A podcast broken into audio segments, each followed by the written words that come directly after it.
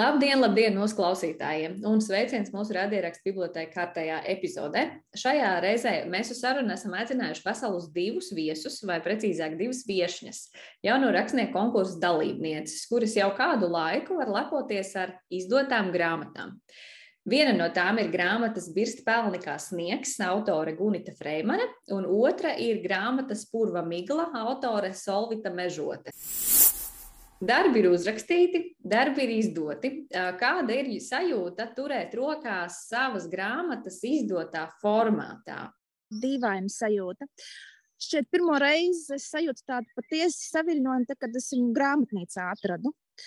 Bet savādāk es negribu visiem sabojāt noskaņojumu, bet tajā brīdī, kad iznāca mana grāmata, karš uh, Ukrainā bija kā reize ļoti smagā eskalācijas pakāpē.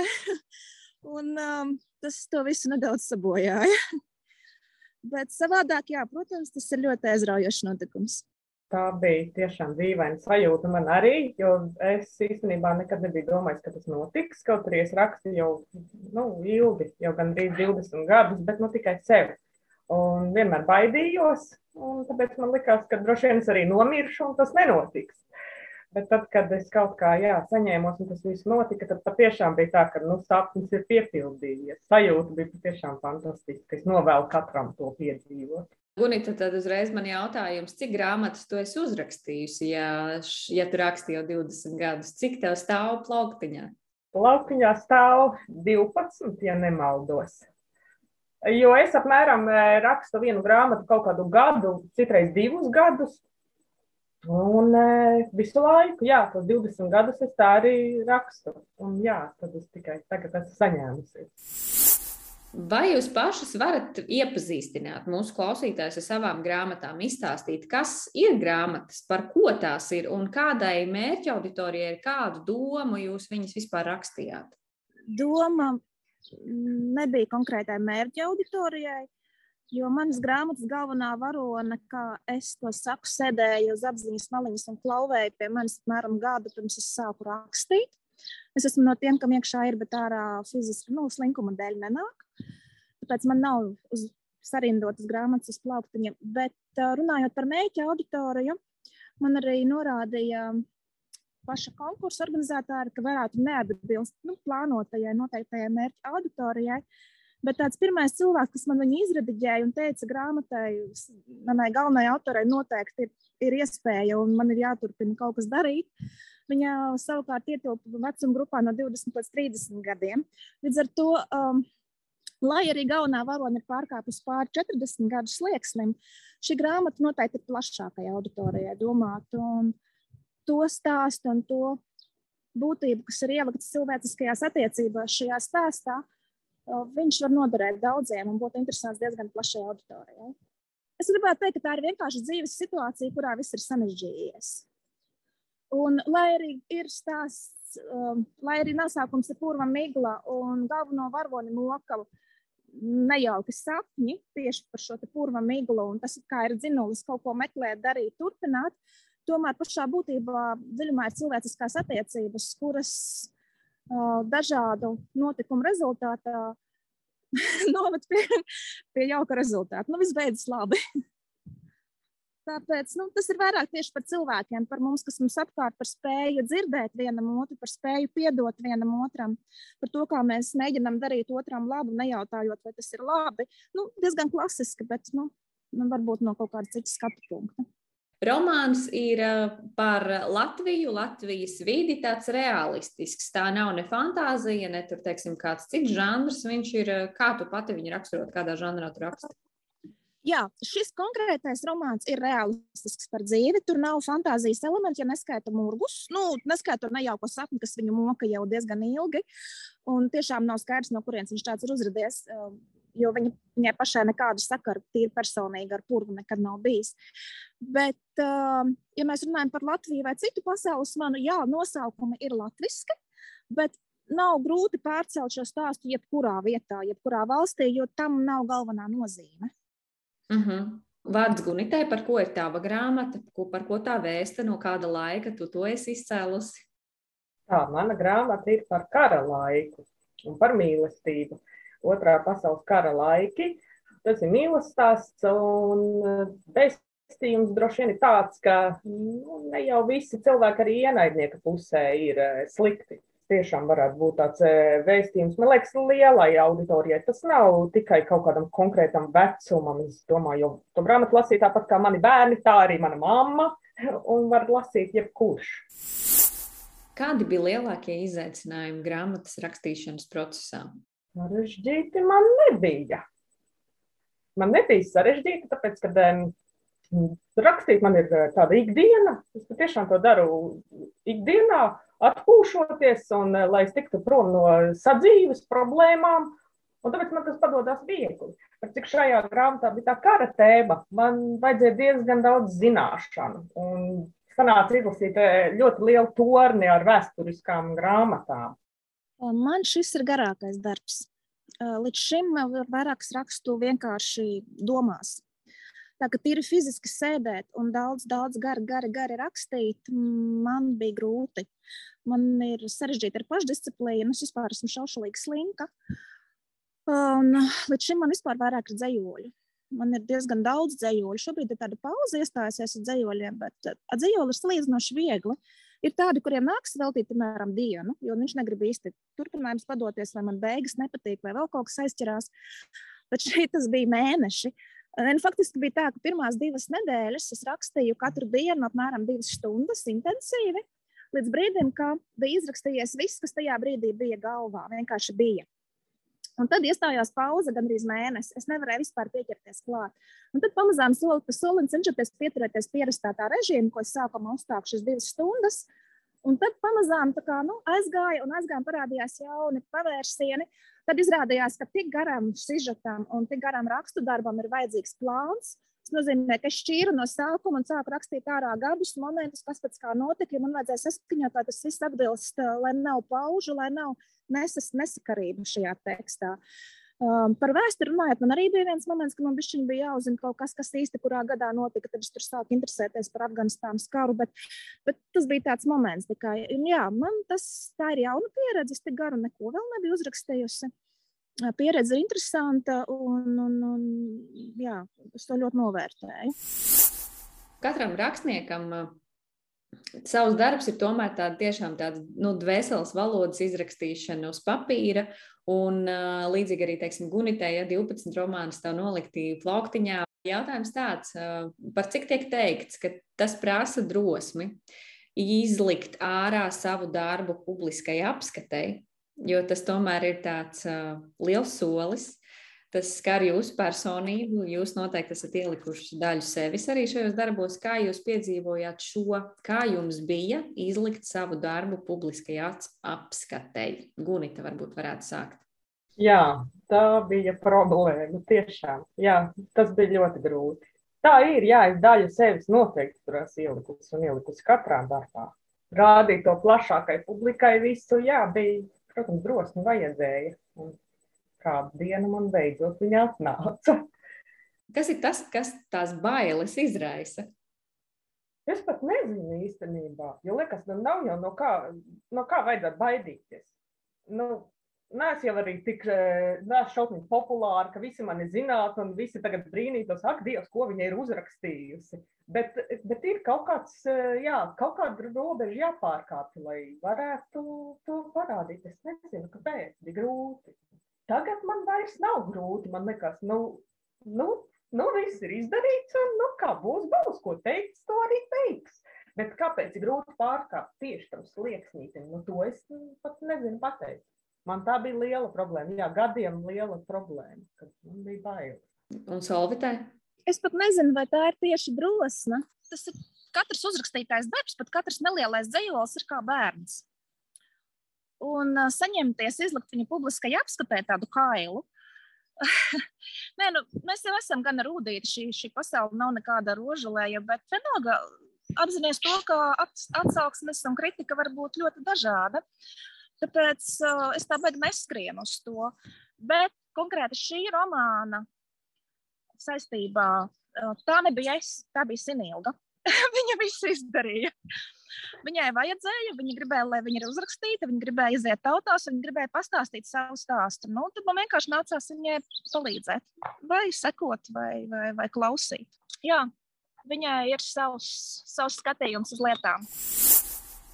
Kādas atsauksmes jūs esat saņēmuši par saviem darbiem līdzinējiem? Nu, Solvitē daudz darbiņš bija otrais, kas tika izdots no jauno rakstnieku konkursu darbiem. Gunis darbs ir eh, nācis klajā salīdzinoši nesen, bet uh, varbūt, kad Solvita var padalīties, ko tas dzirdējis no lasītājiem.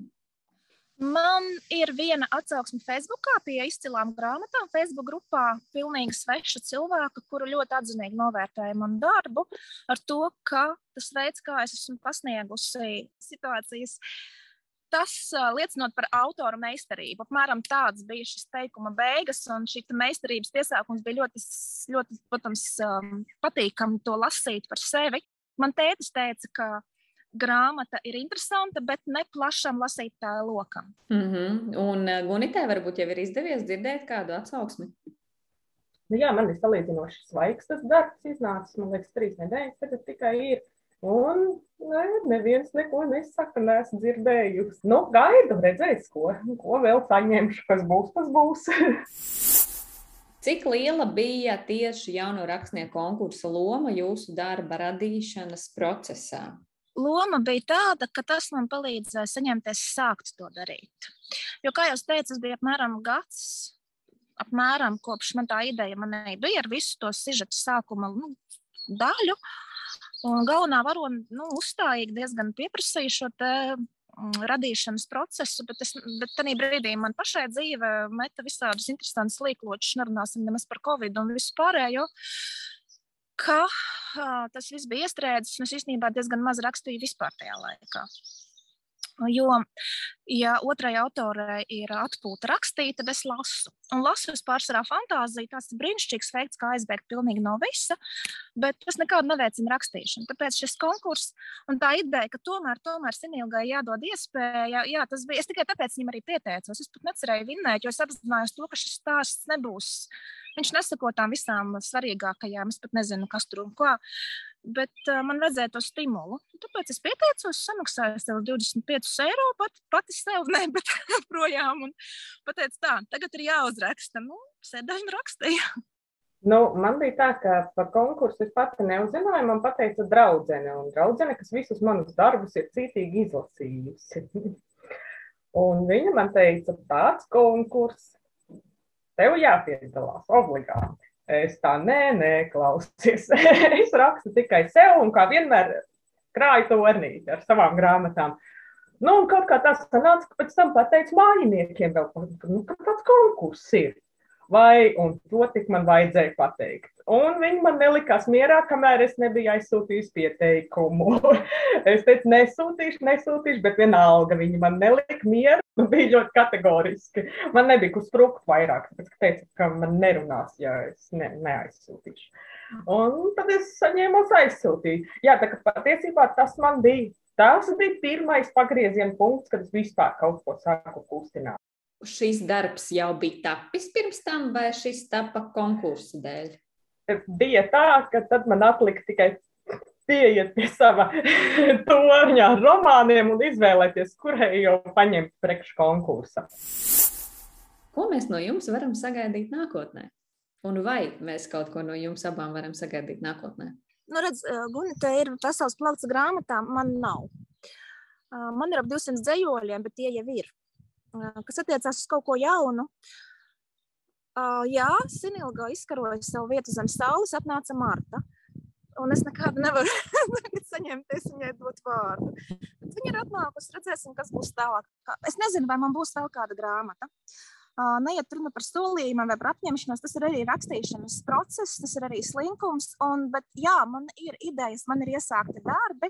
Tā skaitā realistiskā proza, tāda kā Sinilgas stāsts, Un saņemties, rakstīt, piespiest sevi sēdēt un rakstīt, man tas ir sarežģīti. Man ir vieglāk kustēties riņķī, man ir vieglāk braukt, darīt. Jā, rakstīt ir grūti. Īstenībā rakstīt ir ļoti, ļoti grūti. Nu, labi, liels paldies, Solvitai. Kā Gunita, vai no tevis mēs varam kaut ko gaidīt? Jā, no manis noteikti var gaidīt un būs. Bet nu, nav tā, ka tās grāmatas, kas man ir agrāk rakstītas, un kuras es tā arī taupu plauktā, ka tā, nu, kaut kas no tām būs. Jo nē, man arī šī grāmata likās, kad pašai likās, ka viņa ļoti laba. Bet, kad es saņēmu no izdevējiem diezgan daudz kritiku, tad es sapratu, ka man pirmie darbi noteikti nav labi. Un tie grāmatnīcu plauktus neredzēs, esmu pārliecināta. E, bet būs e, nu, jaunie. Ir nu, pat es sarakstījusi. Domāju arī, ka tas būs drīz. Pabeigusi esmu. Un iesākusi jau citu darbu. Tā kā no jaunajiem noteikti būs, jā. Bet tos pirmos rakstītos, nu, lai viņi tā arī krāja putekļus. Jūs esat divas jaunas autors. Uh, šobrīd, uh, nu pat ar iznākušām jaunām grāmatām, pēc uh, konkursa, kurā Sūri grūti cīnījās par pirmo vietu, ļoti daudz dalībnieku patiesībā. Šis konkurss mums parādīja to, ka Latvijā ir interese par rakstniecību jaunu autoru vidū. Līdz ar to jautājums tāds. Ko jūs, kā divas jaunas autoras, varat uh, iete, pateikt iedrošinājumam uh, tiem cilvēkiem, kas vēl tikai vēlas rakstīt? Nu, noteikti ir jāmēģina. Vispār es pati arī domāju, ka grāmatas sen jau nelasa neviens, nevienam neinteresē, nekas tur nebūs. Vatakot, nekas tur nesanāks. Bet tā nemaz nav. Un interese tiešām ir. Un cilvēkiem arī tā, tie paši skatījos, ir grāmatu blogeri, kurus es pat vispār nezināju, ka tādi ir. Un cilvēki lasa un viņiem interesē. Tā kā noteikti ir jāmēģina pati jau var, kāpēc es sevi piespiedu beigās. Tāpēc, ka man liekas, es negribu vecumdienās nožēlot to, ko es neesmu izdarījusi. Es nepamēģināju. Labāk, tad es nožēloju, ka, nu, labi, tur nekas nesanāca. Nu, tas nekas, bet es mēģināju. Bet nožēlot to, ka es pat nemēģināju, to nē, to es negribu. Tad ieteikums ir mēģināt, lai nebūtu jāatvēl un neizdarītais. Jā, noteikti ir jāmēģina. Jā, paldies, un Solvita. Varētu mēģināt ieteikt, atrast savu atbalsta grupu. Reiz Facebookā vienā diskusijā izskanēja, ka izdzīvo stiprākie, un tā skaitā arī literatūrā, ar to domu, ka, ja cilvēks ir emocionāli netik stiprs kā citi, tad šī rakstniecība un kritika viņu var ātri nogalināt pat talantus būdami. Uh, es esmu sastapusi cilvēkus, kas raksta daudz skaistāk un tiešām fantastiskāk kā es. Uh, Man reiz bija vēstuļu saraksts ar cilvēku, kura vēstules bija tādas, ka es reāli jūtu un, un pilnīgi jūtu smaržu pēc tā, kā viņš aprakstīja lietas. Uh, viņš ir miris ar vēzi, viņa grāmata nekad neiznāks. Mūsu literatūrā problēma ir tā, ka cilvēki ir ne nu, tikai vispār, es domāju, tas ir pasaulē, mēs esam ļoti jūtīgi. Autori, radošās personības, visi ir ļoti jūtīgi. Un ir tik lieliski un tik veiksmīgi, izdodas atrast savu atbalstu grupu. Tos, kas uzsver uz pleca un saka, super, tos, kas saka, jā, tagad tev ir laiks, ej un raksti. Tos, kas pamudina, atbalsta un, un, un iedvesmo. Tad ziņā, nu jā, varbūt pat kā mūzes, bet arī vienkārši kā drauga plecs. Jo man šķiet, ka draugu atbalsts, sevēju atbalsts ir viens no svarīgākajām lietām. Nu, protams, ne tikai literatūrā un rakstniecībā, bet vispār, bet īpaši, īpaši radošajiem cilvēkiem. Jo, nu, tas ir viena no lietām, ko es esmu sapratusi un sajūtusi skatoties apkārt. Tāpēc nu, turamies pie saviem, meklējam līdzdomātājus un, un atbalstam viens otru. Liels jums paldies abām divām par sarunu. Tad gaidām no jums vai no vienas, vai no otras, vai vienā formā, vai otrā, bet kaut ko arī nākotnē.